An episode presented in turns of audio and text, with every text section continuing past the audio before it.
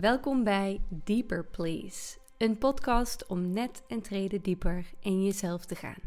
Mijn naam is Anne van der Slichten en vandaag wil ik het graag met jou hebben over stilstaan en of dat slecht is. Het is in het kader van ziek van verlangen weer. Dus als dit een onderwerp is dat je aanspreekt, blijf vooral luisteren. Als je er op dit moment niet zoveel meer hebt, dan denk ik ook dat deze aflevering heel erg interessant voor je kan zijn als jij op dit moment stilstaat. ik zal hier en daar een beetje referenties doen aan ziek van verlangen, dus dan weet je dat alvast. Maar ik denk wel dat jij na het luisteren van deze aflevering denkt: ah, oké, volgens mij moet ik dan dit doen. Oh, maar dat kan ik wel. En misschien mag ik ook wel ruimte maken voor dat andere. Oeh, dat vind ik spannend. Oké, dankjewel voor het luisteren, lieve jij. Laten we beginnen. Ik wil ook heel eventjes beginnen met uh, gewoon even een situatieschets waar ik nu ben. Ik ben in de woonkamer, ik zit achter de computer. Het duurde even voordat het me lukte om die, om die microfoon aan te zetten. En ik ben een klein beetje misselijk. En waarom ben ik misselijk? Omdat ik had een pompoensoep net opgewarmd en ik had een maandag gemaakt en het is nu donderdag. En ik dacht, dat kan wel. Maar er zat kokosmelk in en ik zag dingen erin drijven. En dat duurde eigenlijk. Ehm, het duurde tien happen voordat ik dat door had. En toen dacht ik: oké, ik haal die dingen er wel uit. Want ik wil ook de moeilijkste niet zijn. Ik denk als ik echt honger heb, dan vind ik dit heerlijk eten. Zo denk ik heel vaak. Als ik uh, een beetje in mezelf die stem opmerk van: oh, ik wil het weggooien. Maar toen dacht ik toch, oké, ik word alleen maar misselijker. Volgens mij moet ik hier nu mee stoppen. En ik heb een boterham met stroop gegeten als een echte Limburger. Laten we het hebben over stilstaan. Is stilstaan slecht? Nee, natuurlijk niet. Tuurlijk is stilstaan niet slecht. Ik wil graag je laten zien waarom we stilstaan en wat je weer in beweging kan brengen. En laten we even bij de basics beginnen. Stilstaan. Je merkt dat je geen keuze kan maken. Je merkt dat je leven maar niet verder ontwikkelt. Je merkt dat je veel aan het twijfelen bent. Dat is ook een vorm van stilstaan. Hè? En um, stilstaan kan best wel akelig zijn. En ook best wel eenzaam. We staan stil in het leven op het moment dat we met iets geconfronteerd worden dat om de een of andere reden voor ons zenuwstelsel zo groot is dat we het idee hebben dat we dat niet zelfstandig aankunnen. Dus we staan stil zodra, er, zodra we met iets in het leven geconfronteerd worden dat zo groot is dat we denken: holy smoly, hoe moet ik dit in hemelsnaam gaan doen? Dus wanneer we overweldigd raken, staan we stil. Wanneer ons lichaam denkt: ik kan dit gevaar niet bestrijden, staan we stil. Stilstaan kan er ook uitzien als dat we bijvoorbeeld een geheim vasthouden. En dat we om de een of andere reden maar niet eerlijk kunnen zijn, ook al vraagt bijvoorbeeld onze partner honderd keer naar: ben je wel echt eerlijk naar me? Ik heb het idee van niet. Zeg nou maar. En om de een of andere reden kan jij niet die lippen van elkaar krijgen en je tong in beweging brengen. En al die spieren van je mond in werking zetten om te kunnen zeggen wat eigenlijk de waarheid is die in je leeft. Want jij staat stil. Jij bevriest. Ik vertel meer over geheimen hebben in de lezing over compassievol kijken naar geheimen. Die vind je in het online ziek van verlangen pakket. Ik raad hem heel erg aan. Ehm, omdat alle punten die ik nu ga noemen, zullen helpen om jou weer in beweging te krijgen. En heel veel van die punten vind je ook terug in het online ziek van verlangen pakket. Want alles wat ik daar vertel, heeft mij in mijn leven geholpen om beweging te creëren in dat waarin ik zoveel stilstand voelde. In een overweldiging van verlangen naar iemand wat ik, ehm, wat ik niet kon wegdrukken, dat ik niet kon negeren. Maar dat er van ochtends tot avonds steeds weer was. Heel veel gemaal, heel veel gevoel. En ik vond het zo vervelend aan mezelf. En ik dacht, oh, kan ik niet gewoon hier met mijn aandacht zijn in dit moment? Waarom mis ik de ander zo? Waarom wil ik die ander zo dichtbij hebben? Voor mij was dat mijn overweldiging. Ik vond het heel eng om dit te ervaren. Enerzijds vond ik die gevoelens lekker van verliefdheid en houden van. En wow, wat raak jij mij diep in mijn hart. Wat zie je in mij? Andere persoon waar ik zo naar verlangde. Maar anderzijds vond ik het hartstikke akelig. Want als ik deze gevoelens heb, wat betekent dat dan voor mijn relatie? Wat betekent dat dan voor mijn leven? En dat herken jij misschien ook wel. In mijn geval heb ik een paar keer meegemaakt dat ik ook niet in een relatie kon zijn, feitelijk gezien, door allerlei omstandigheden weer. Ehm, en maar nog steeds had ik zulke gevoelens en nog steeds was ik daardoor in de war. Verwarring hoort ook bij stilstaan. Als het gevaar te groot is, als dat waarmee we geconfronteerd worden,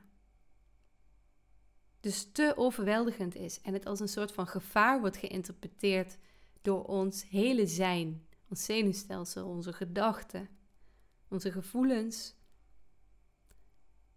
dan zegt het lijf: Weet je wat? Ik kan maar beter even helemaal niks meer doen. En ik ga hier in een hoekje zitten. En ik ga op een afstandje kijken hoe het allemaal zich vanzelf wel weer oplost. Of zoals vandaag iemand zei in een sessie: Soms wil ik wel gewoon even weggaan. En dat ik dan weer terugkom en dat alles weer goed is. Ja, zo herkenbaar. Dat zou ik ook wel willen. En dan gaat even iemand alles voor mij oplossen in mijn leven. Oh, heerlijk lijkt me dat. Oh, die zou ik echt een paar miljoen betalen. Als ik dat geld zou hebben, dan zou ik dat, uh, als zoiets zou bestaan, kom maar, doe maar. Dat ik zelf niet al die moeilijke dingen maar hoef aan te gaan.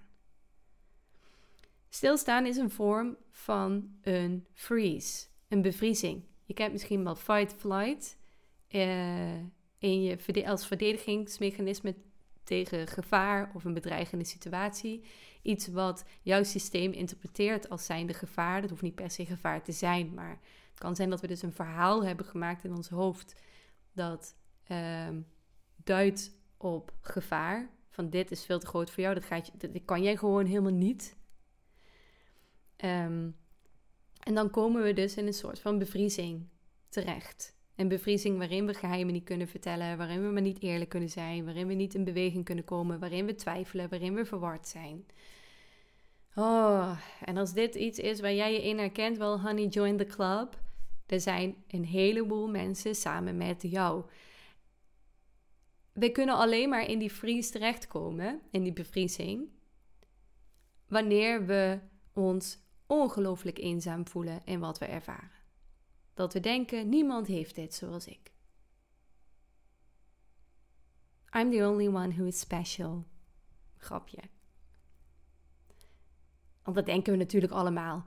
Als ik echt me heel erg rot voel, dan denk ik, niemand heeft het zo erg als ik. Oké, ik kan me heel, goed, heel veel mensen voorstellen die het heel, heel erg hebben. Echt verschrikkelijk erg. Maar dit specifieke geval, dat wat ik hier heb, ja, ik denk niet dat andere mensen dat hebben. Ik heb mij in mijn verlangens heel eenzaam gevoeld. En daarom heb ik op een gegeven moment besloten: ik ga hier mijn fucking werk van maken. Excuse, excuse my French. Want ik wil andere mensen hier ook bij begeleiden. Ik wil aan andere mensen laten zien dat ze niet alleen zijn. En ik wil graag dat je eventjes voor een seconde je voorstelt dat dat wat jij ervaart, dat er op dit moment misschien wel 500 mensen in alleen Nederland zijn die dit ervaren. En dan ook nog een keertje 500 mensen in België. Mocht jij een Belgische luisteraar zijn, welkom, leuk dat je luistert, trouwens. En het zijn mannen, vrouwen, nomineren mensen, gewoon allerlei mensen die vastzitten in hun specifieke verlangen. Ze zijn misschien vreemd gegaan, ze hebben affaires gehad, ze zitten in een affaire. Misschien is er fysiek niets gebeurd, maar is het emotioneel en is er een enorme band en is er een enorm houden van naar de ander ontwikkeld en weten ze gewoon niet wat ze moeten doen en staan ze stil. Dus samen met jou stel je maar een kamer voor met 500 mensen. Nou, ik kan me dat nog niet eens zo goed voorstellen hoeveel 500 mensen zijn. Maar het zijn er een heleboel. Eenzaamheid is één van de grootste redenen waarom we stilstaan. Als jij dus merkt, ik sta stil, vraag je dan af, wie kan ik in vertrouwen nemen? Iemand die het allerbeste met mij voor heeft. Niet mijn partner, maar mij. Iemand die niet zegt: God, wat je doet en wat je hebt gedaan is slecht. Nee, iemand die zegt: Hé, hey, ik begrijp jou. En God, wat moet jij het moeilijk hebben? Zal ik een kopje thee voor je zetten? En ik heb die ene lekkere koekjes gehaald in huis, die, waar je zo van houdt. Zo iemand hebben we nodig. Een soort van omaatje. En er zijn altijd wel vrienden of vriendinnen die dit zijn. Die deze, die deze eigenschappen in zich hebben. Of misschien wel een professioneel iemand. Maar ik raad je altijd aan om tenminste twee mensen in vertrouwen te nemen. En om te vragen: wil je me alsjeblieft steunen? Want ik voel me zo alleen. Ik heb echt het idee dat, ik, dat er iets mis met mij is. Ga ik ooit nog veranderen? En dat iemand anders tegen jou zegt, terwijl die op jouw favoriete koekje knabbelt. Oh, jawel hoor. Ik heb talloze redenen, bewijzen van jou dat jij in je leven veranderd bent. Jij bent sowieso in staat om te veranderen. En wat jou nu overkomt, dat zal waarschijnlijk wel om een hele goede reden zijn. En ik geloof in jou. En ik hou van jou. Wat je ook kiest, wat je ook doet. Ik hou van jou en ik blijf naast je staan. Ook als je denkt, ik heb, ik heb helemaal genoeg van jou. Dan sta ik nog steeds naast je. Die mensen hebben we nodig. Wanneer je dus merkt ook dat je in de twijfel zit, wat moet ik nou doen? Twijfel is ook een vorm van bevriezing. Wanneer we in de bevriezing zitten, zullen we nooit het antwoord weten. We kunnen nooit een antwoord uit twijfelen halen. Twijfelen wikt en weegt gedachten die jou niet verder helpen. We mogen namelijk andere gedachten ontwikkelen. En voordat ik daarmee verder ga, en ik kan uh, sowieso ik weet dat er heel veel vraag is naar uh, dat ik meer vertel over twijfel. En dat komt ook nog wel. En het staat ook in de diepere waarheid cursus, die je ook in het ziek van verlangen pakket vindt. Hè? Daar heb ik een uitgebreide video over twijfel opgenomen. Die gelinkt is aan waarin ik uh, de hele lezing waarin ik laat zien hoe je bij jouw eigen waarheid komt. Hoe dat anatomisch in jouw systeempje zit. En hoe je daar zelf bij kan komen. Dus die vind je in de diepere waarheid cursus, die onderdeel is van het ziek van verlangen pakket. Ehm, maar het komt nog wel dat ik ook iets over twijfel doe. Ik, ik, ik, heb niet. Er zijn zoveel thema's die nog behandeld moeten worden. Och, jongens. Oké. Een volgend punt is waarom we stilstaan, is dat we onszelf de schuld geven. Van dat we stilstaan of dat wij de reden zijn die dit allemaal gecreëerd hebben. Ik ben een slecht mens. Ik had dit niet mogen doen. Hoe kon ik nou zo dom zijn? Ben ik toch een afschuwelijk mens? Ik kan ook helemaal niks. Dit wordt helemaal niks, want ik kan niks. In de bevriezing hebben we gedachten die onszelf aanvallen. Dus dat geweldige overlevingsmechanisme van een bevriezing waarmee we stilstaan en rustig wachten tot het gevaar weer aan ons voorbij trekt, die hele moeilijke situatie waar we in zitten. Daarin creëren we gedachten die onszelf aanvallen. Die eigenlijk de situatie alleen maar vergroten. Want als jij gelooft dat je helemaal niks kan en dat er niks gaat veranderen, dan gebeurt er natuurlijk ook niks. Dan blijf je ook heerlijk zitten waar je zit. Er bestaat ook nog zoiets als the predator. De predator, het roofdier, is binnen de psychotherapie een begrip dat een collectieve energie aanduidt, een energie in de wereld, die erop uit is om jou bij je haren te grijpen en naar zijn God toe te sleuren en je te doden. Deze energie zorgt ervoor dat wanneer wij in een crisis zijn, we komen dus iets overweldigends tegen, dat die energie bij ons komt en ons in alle gedachten bevestigt die negatief zijn over onszelf. En daar heel slim in is en heel sluw.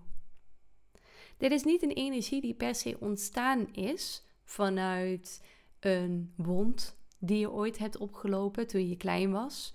Nee, oké, hij teert en hij vreet en hij profiteert van die wond die je misschien ooit hebt opgelopen in je kindertijd. Die ervoor zorgt dat je nu bent zoals je bent en misschien moeilijke dingen in je leven tegenkomt. Nee, deze collectieve energie die staat er zelfs los van. Waar leven is, is ook dood.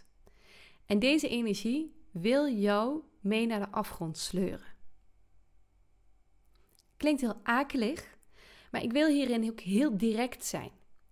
Ik, heb, ik doe dit werk al vanaf 2016, dat ik specifiek met het onderwerp van ziek van verlangen zijn bezig ben. Daarvoor ging het puur over hoe kom je bij je eigen waarheid. Toen ben ik me meer gaan specialiseren in dit onderwerp en sindsdien begeleid ik een heleboel mensen jaarlijks, online en hier in mijn praktijk. En ik kom, zodra ik iemand de kans heb dat ik iemand iets langer begeleid, kom ik een heleboel mensen tegen die zichzelf haten.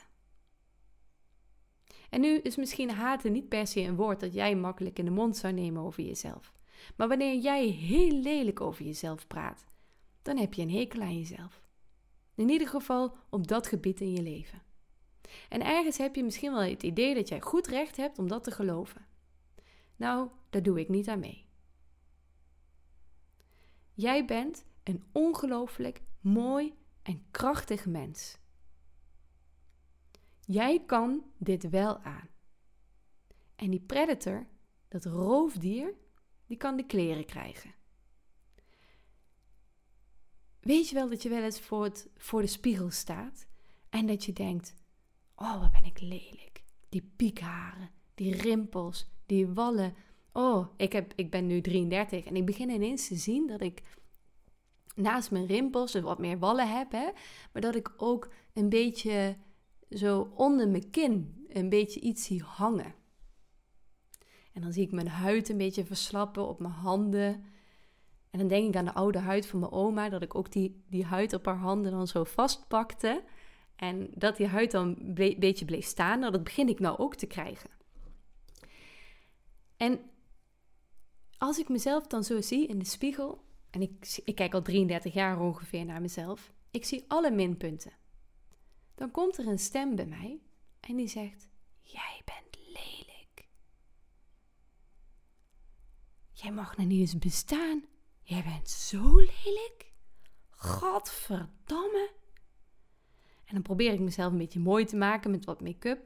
Maar dan denk ik, oh, zegt die stem, wat zie jij er ziek uit? Wat zullen we mensen wel niet van je denken?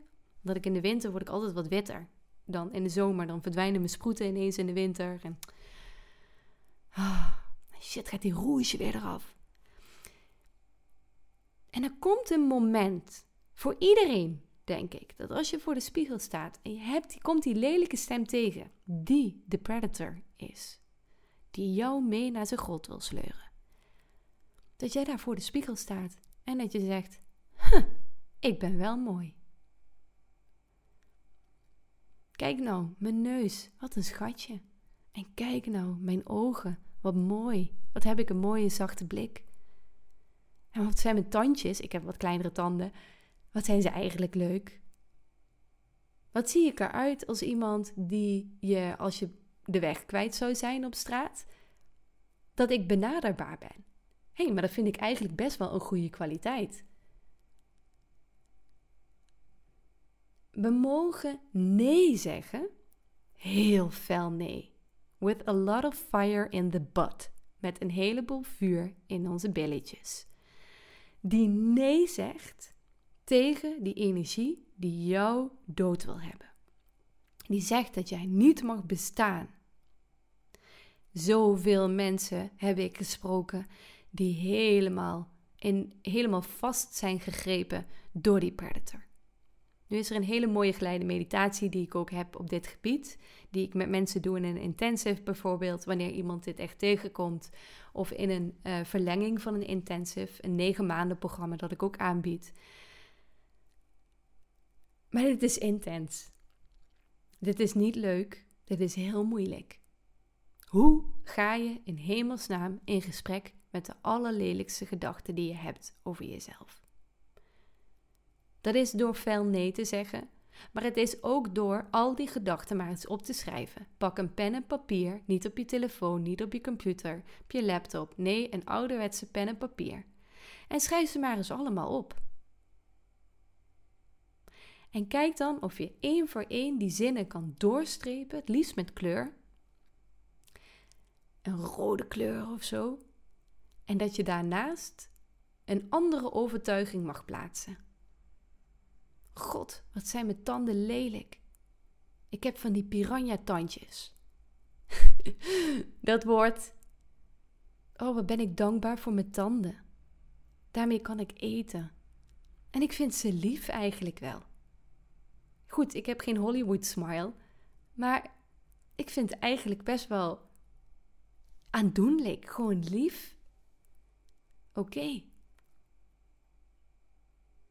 En misschien zijn er zo nog wel meerdere dingen. Oh, wat heb ik een dikke buik? Nee, ik heb een mooie, zachte, ronde buik. En als ik hem aanraak, oh, ik ben net een kussentje. Wat heerlijk moet dat zijn voor andere mensen om me heen. Ik ben een slecht mens, ik ben een slechte partner, omdat ik dit in mijn relatie allemaal doe. Streep hem door. Ik doe mijn best. Wordt het. En ik heb recht op liefde. En ook al maak ik misschien fouten, ik heb nog steeds recht op vergeving en op liefde.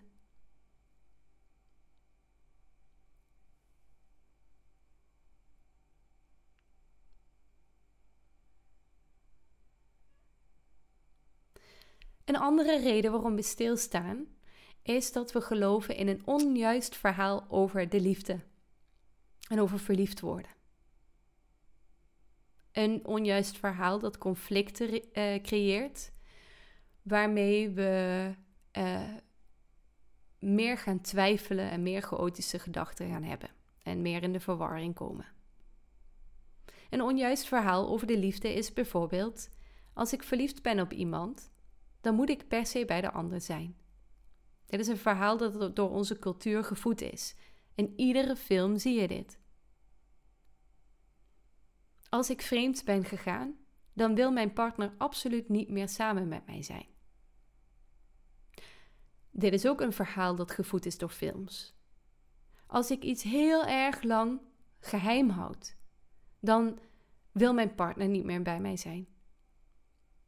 Ja, dit is ook gevoed door films. De realiteit is vaker veel compassievoller, veel zachter. Je gaat door een afschuwelijke, afgrijzelijke tijd met z'n tweeën heen. Als dat geheim bijvoorbeeld uitkomt. Of wat, wat er is gebeurd. En wat er aan het gebeuren is. Maar geloof in de kracht van de ander. En geloof in de liefde die de ander voor jou heeft. En daarmee kom ik op het volgende punt. In hoeverre heb jij liefde voor jezelf? Stilstand wordt ook, ja, wordt ook gecreëerd door dat wij onszelf niet kunnen vergeven. We denken zo min over onszelf. En we vergeven zo gemakkelijk andere mensen. Maar we vergeven onszelf maar niet.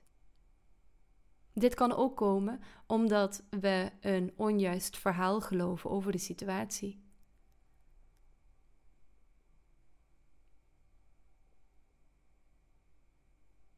Zo kan het bijvoorbeeld wel eens zijn dat iemand vreemd is gegaan, maar eigenlijk in een situatie is beland waarin diens lichaam is gebruikt door de ander.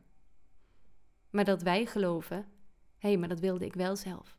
Dit heb ik zelf meegemaakt, namelijk. En dat kan ik nooit echt goed uitleggen aan mijn partner. Maar het gaat erom dat ik het weet. En dat ik doorzie bij mezelf hoe kwam het dat ik in die situatie kwam. En te zien, sommige mensen zijn gewoon klootzakken die zulke dingen doen. En ook in de war zijn. Maar hoe kan ik mezelf vergeven? Hoe kan ik mezelf met meer mededogen benaderen? De vraag is die volgens mij Elizabeth Gilbert een keer zei, de schrijfster Elizabeth Gilbert. En zij refereerde volgens mij weer naar Byron Katie, uh, spirituele leraar Byron Katie van The Work. Maar ze zei: ehm, Had ik iets anders kunnen doen met de kennis die ik toen had? En als ik dan tot het, tot het inzicht kom dat dat eigenlijk niet zo is, omdat mijn kennis toen beperkt was, dan had ik niets anders kunnen doen en dan mag ik mezelf vergeven. Vergeven is jezelf zien vanuit het grotere plaatje. Waarom gebeurt dit? Waarom ben ik eigenlijk vreemd gegaan? Waarom ben ik verliefd geworden op een ander? Waarom kan ik niet meer van mijn eigen partner houden? Waarom is de liefde gestopt? Ik weet het niet.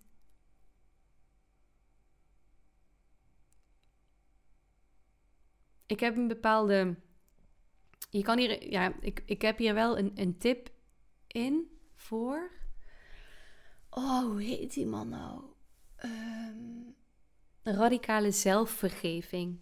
Als je hierin geïnteresseerd bent, hoe kan je ook misschien meer met de ogen van iets goddelijks naar jezelf kijken? Een bron van enorme liefde naar jouw hele mens zijn. Hij heeft hele mooie oefeningen om jezelf te kunnen vergeven. Het tipping heet die volgens mij Colin Tipping, zoiets. Maar radicale zelfvergeving, dan vind je hem sowieso.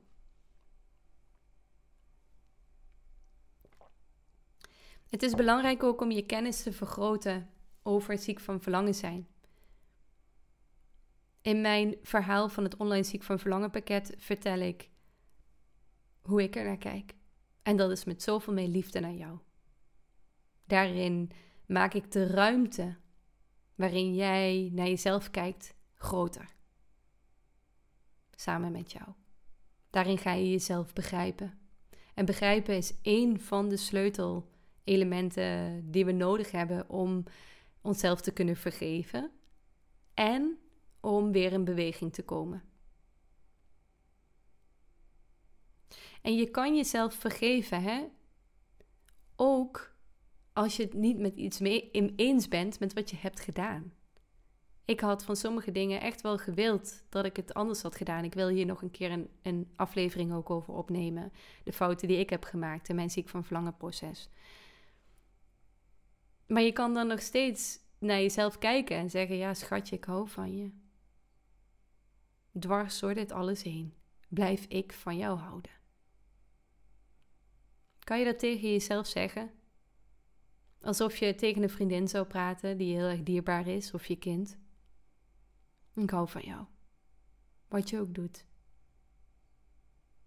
En als ik iets niet van mezelf begrijp en daardoor negatieve gedachten over mezelf maak, dan mag ik op onderzoek uitgaan, om op onderzoek te gaan naar een verhaal dat de grootheid van mij vast kan houden.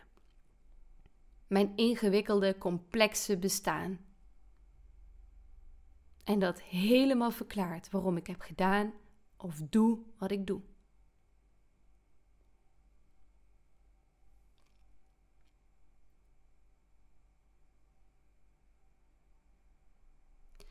Een andere reden waarom we stil kunnen staan is dat je je verzet tegen emoties en scenario's die, jou, die door jou ervaren willen worden. En wat ik daarmee bedoel, is dat wat ik vaak zie, is dat mensen zo erg vechten tegen het idee van een scheiding of van een relatiebreuk of het verliezen van je werk het verliezen van je veilige leven zoals het nu is. Dat ze met surrogaatoplossingen komen die niet echt helpen en daarin en ook niet echt een waarheid bevatten, waardoor ze stilstaan, waardoor er getwijfeld wordt. En wat het van jou vraagt is dat je onder ogen komt dat dit misschien wel het einde kan zijn. Wees zo dapper, wees alsjeblieft zo moedig genoeg om alles daarbij te voelen wat er te voelen valt. Dat je misschien inderdaad je eigen partner verliest. En dat je daardoor een andere gezinssamenstelling misschien krijgt. Dat je misschien uit je huis moet. Dat je, uh, als het een collega op het werk is en je doet werk waar je heel erg veel van houdt, dat je weg moet van je werk.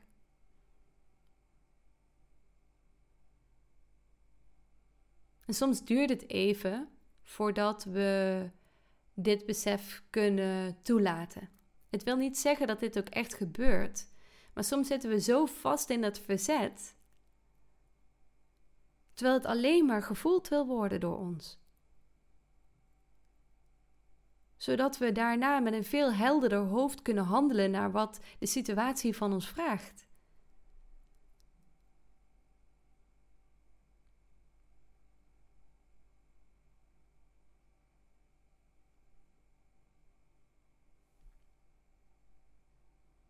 Leer het einde te accepteren en niet verstandelijk, maar gevoelsmatig.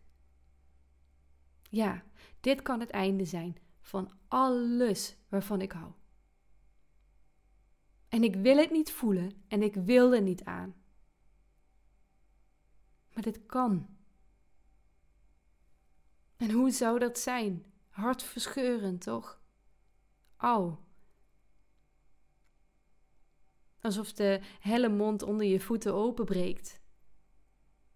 Zo pijnlijk. Het gaat erom dat wanneer we stilstaan, te zien: oké, waar verzet ik me eigenlijk naar? En te voelen wat je niet wil voelen. Om het allermoeilijkste onder ogen te komen. En even al die schijnoplossingen al die ingewikkelde constructies die je nu aan het bedenken bent in je hoofd om maar gewoon om de hete, hete brei heen te, te dansen, heen te lopen. Dat je, dat je al die schijnoplossingen loslaat.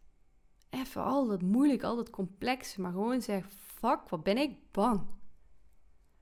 En ja, dit kan het einde zijn. En ik weet niet wat het allerbeste is voor mij. Ik denk dat ik weet wat het allerbeste is voor mij, maar ik weet het niet. Misschien moet ik wel weg. Omdat er hierna een heel nieuw hoofdstuk in mijn leven gaat aanbreken waarin ik gelukkiger ga zijn. Misschien verlies ik wel iedereen. Als ik mijn echte ik ga laten zien, verlies ik misschien wel iedereen. En als je zoiets hebt van, wat, mag ik deze aflevering even uitzetten? Ik stop nu hierover, oké? Dit zijn ook gesprekken die het allerbeste te voeren zijn samen. En als je daarin geïnteresseerd bent, ik geef dus ook ziek van verlangen intensives, Waarbij we twee ochtenden van ieder drie uur aan, de werk, aan het werk gaan. En daarna heb je nog drie navolgsessies en je krijgt er een heleboel bij. Kijk op mijn website annevanderslichten.nl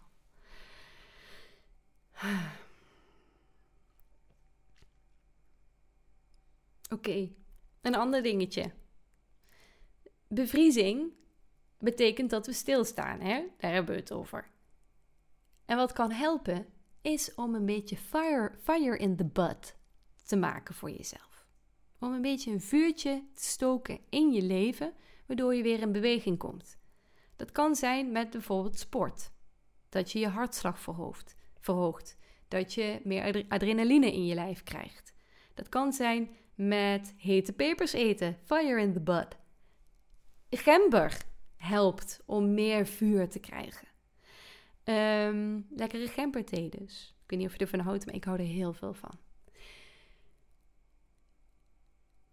Het helpt om naar muziek te luisteren, waarbij, je, waarbij er een soort van woede wordt aangeraakt in jezelf. En dans maar eens mee en zing maar eens mee. Het helpt om je handen tegen de muur op te plaatsen en heel hard tegen die muur te duwen. En eens te voelen wat er allemaal door je heen gaat als je dat doet. Dat zijn namelijk, dan, dan spreek je spiergroepen aan die ervoor zorgen dat jij meer in die fight-flight energie komt. Meer in je vechtlust. Het kan ook helpen dat als je bijvoorbeeld even onder ogen bent uh, gekomen waar je zo bang voor bent. En het echt in de ogen hebt gekeken en zo die tranen hebt gelaten. Hè, van fuck, ik zou het zo heftig vinden als dit zou gebeuren. Dat je daar nou juist ook in een fight energie komt. En dat je denkt, ik wil vechten voor mijn leven. Mijn leven is iets waard. Dus dat is ook weer in gesprek gaan met die predator-energie. Ik ga niet mee met alle shit die jij iedere dag, dag in, dag uit in mijn oren fluistert over hoe verschrikkelijk ik ben. Predator. Roofdier. Mijn leven is iets waard. En ik vecht voor mijn leven. Ik hou van mijn leven. En weet je waarom? Ik heb allerlei redenen. En misschien weet je niet zoveel, behalve bijvoorbeeld, ik vind chocolademousse lekker. En daarvoor wil ik blijven leven. Of ik wil voor mijn kinderen leven, laat ik die zeggen. Of ik wil leven om erachter te komen hoe dit allemaal afloopt. Als, het maar, als je het niet zo goed weet, begin dan gewoon eens met de kleine dingen. Waar wil jij voor leven? En omring je alsjeblieft dan ook met schoonheid en met die goede dingen. Mooie muziek, bloemen op tafel. Koop je eigen bloemen zelf. Mrs. Dalloway, eerste zin van dat boek. Mrs. Dalloway kocht haar bloemen zelf. Jij mag ook je bloemen zelf kopen. Spice up your life, zeiden de Spice Girls ooit. Kijk of je als je in een staat van bevriezing bent, een beetje hoe je je leven wat kan upspicen. Met mooie dingen die je een gevoel van comfort en veiligheid geven in je omgeving. Dat kan, kunnen ook comfortabele kleding zijn. Of een heerlijke handzalf. Of een lekkere geur. Of mooie bloemen, mooie kunst, mooie muziek. Maar ook dus muziek die jou uitnodigt om je hartslag iets te verhogen. En iets meer in die mobilisatie van jezelf te komen. Dit is trouwens allemaal ook, of niet allemaal. Um, ik, ik ben al een tijdje in de leer bij Deb Dana uh, over de, de polyvagal theory. Um, dat gaat dus helemaal de leer van het zenuwstelsel. Ik ben een zeer trage leerling. Ik ben al maanden bezig, maar um, um, met een hele grote cursus van haar. Maar dit is ook allemaal daarop gebaseerd. Uh, niet allemaal. Bijvoorbeeld de Predator is van Francis Weller, de, een hedendaags mysticus en uh, psychotherapeut. En uh, nou, we hebben net al even Colin Tipping ook gehad. Gewoon een heel, hele juice, hele soep. Soep van allerlei mensen. Oké. Even kijken. We hebben nog twee punten. Ik ga een hele moeilijke zeggen. En dan ga ik eindigen met een wat rustigere, lievere. Oké? Ben je klaar voor, voor die moeilijke? We staan stil als we niet eerlijk zijn.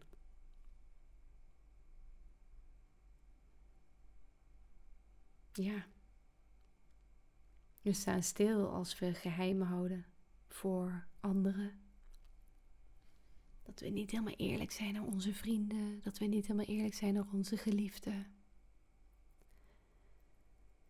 De liefde kan pas weer stromen als we helemaal billen bloot, naakt tegenover de ander durven te staan.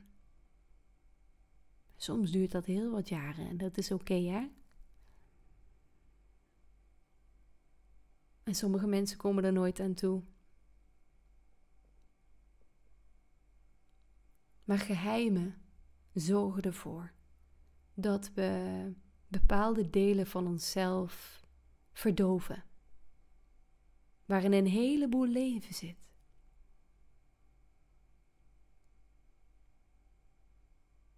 Het zorgt ervoor dat onze passie geremd wordt. Het zorgt ervoor dat we onze levenslust verliezen.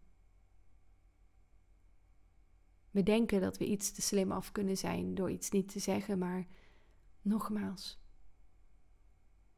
Kijk of je onder ogen kan komen die confrontatie met dat, datgene waar jij het allerbangst voor bent. Doe het maar gewoon eerst eens zelf, voordat je dat in het echt helemaal moet gaan doen. Wanneer we geheimen hebben, dan zijn we bang om iets te verliezen wat ongelooflijk waardevol is voor onszelf.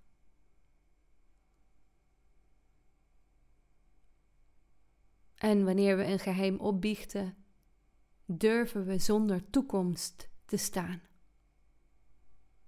Ik heb dit zelf ook meegemaakt. Ik heb zes jaar ongeveer een geheim gehouden. Ik vertel daar dus ook over in de, in de lezing over geheimen in het online ziek van verlangen pakket. En wat, wat mij op een gegeven moment in beweging heeft gebracht om het wel te zeggen. En die lezing dwingt je trouwens nergens om je geheim op te biechten. Dat wil ik wel even tegen je zeggen. Maar het is wel heel fijn om er meer over te weten. En een beetje die zelfhaat en die zelfafwijzing weg te halen. Dat is de allereerste stap in dit alles. Maar het kan wel zo zijn dat je iets achterhoudt. Waardoor je niet vooruit kan. En dat je pas vooruit kan als je dat wat je achterhoudt meeneemt. En daar eerlijk over bent. In alle openbaarheid.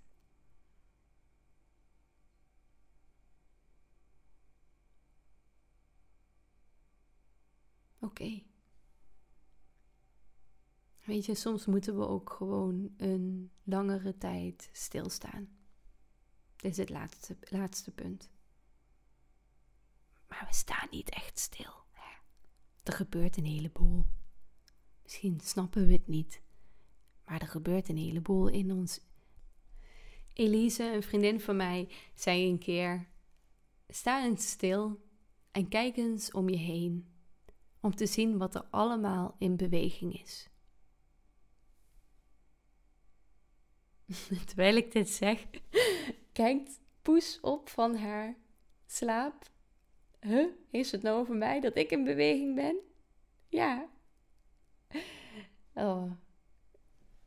Ik zie de blaadjes buiten een beetje bewegen. Ik zie de enorme rozemarijnstruik bewegen. Ik zie hier een, iets tikken van de, van de microfoon. En een lichtje. Ik hoorde de koelkast en de auto's op de weg. Alles is altijd in beweging. Ook als wij voelen dat we stilstaan. Zijn we samen met dit alles. En dan mogen we best wel eens af en toe die enorme rotvaart die we eigenlijk normaal gesproken hebben, mogen we eruit halen. Die snelheid daarvan en gewoon eens gaan zitten. En we mogen ook best wel eens wachten wachten op dat er iets anders gebeurt. Er is helemaal niks mis mee, maar ben alsjeblieft daarin heel lief voor jezelf. En zeg alsjeblieft niet dat jij het schuld bent, maar, bent, maar er beweegt iets veel groters door jou heen. En dan op een gegeven moment heb je helemaal schoon genoeg van jezelf. En dan denk je, verdomme man. Ik ben helemaal klaar met dat stilzitten. En nu ben ik er klaar voor. Ik ga de boel eens even flink in beweging brengen. En weet ook dat als deze energie komt, dat je weer een beetje in beweging komt. Mooi. Dan kom je een beetje weer in je fight-flight. Die soms wel eens even lekker kan zijn, hè?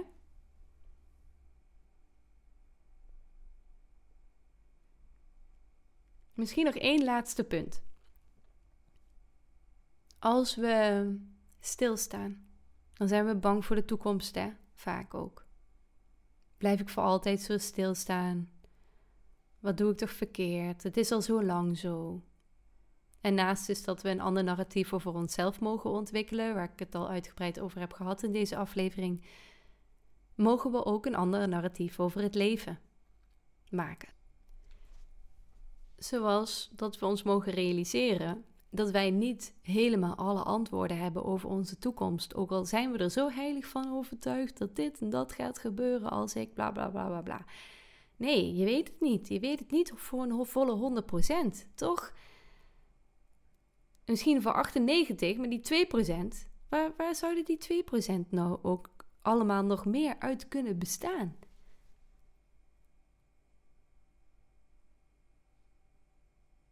Soms helpt het als we stilstaan om te dromen. Waar verlang je nog naar om, om te ervaren? Wat zou je graag willen? Hoe zou je je dan voelen als dat er eenmaal is? En glij dan niet gelijk in de ja-maars, maar voel het gewoon even.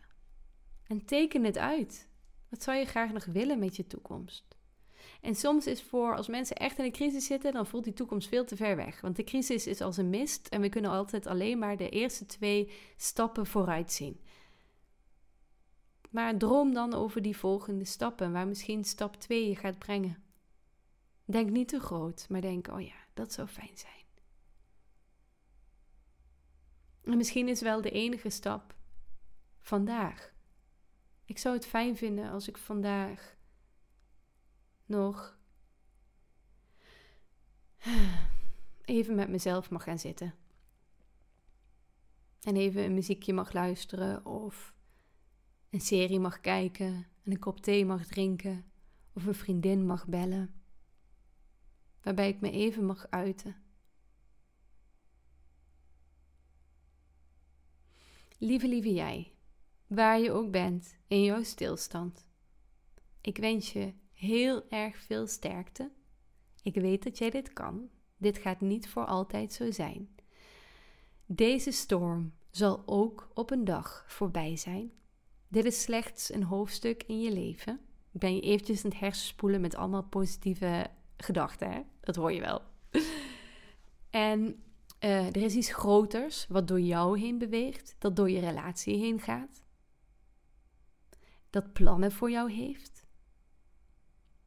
En als je het nou echt heel moeilijk vindt om mezelf naar te luisteren en om het te begrijpen, kijk eens naar het online ziek van verlangen pakket. Of kijk eens hoe je met mij kan werken. Ik raad van harte ook echt een intensive aan. Want daarmee hebben we, maken we alle, alle tijd voor jou. Als laatste wil ik nog even zeggen dat we sinds kort ook een Ziek van Verlangen Instagram pagina hebben. Dus kom me vooral daar volgen.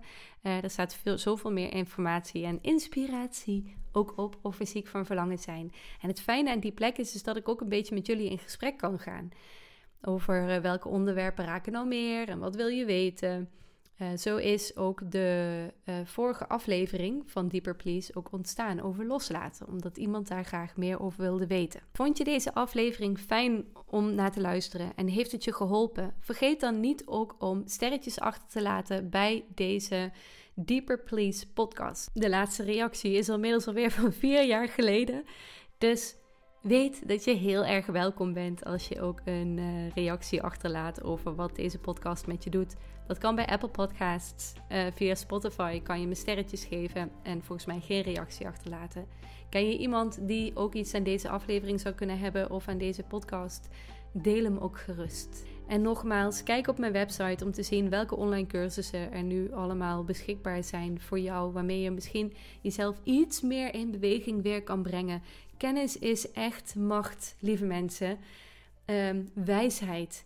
Dat zorgt voor zelfmededogen. En zelfmededogen is echt de aller, allereerste stap om iets van beweging in jezelf ook weer te creëren. Heel erg veel liefs en tot de volgende keer.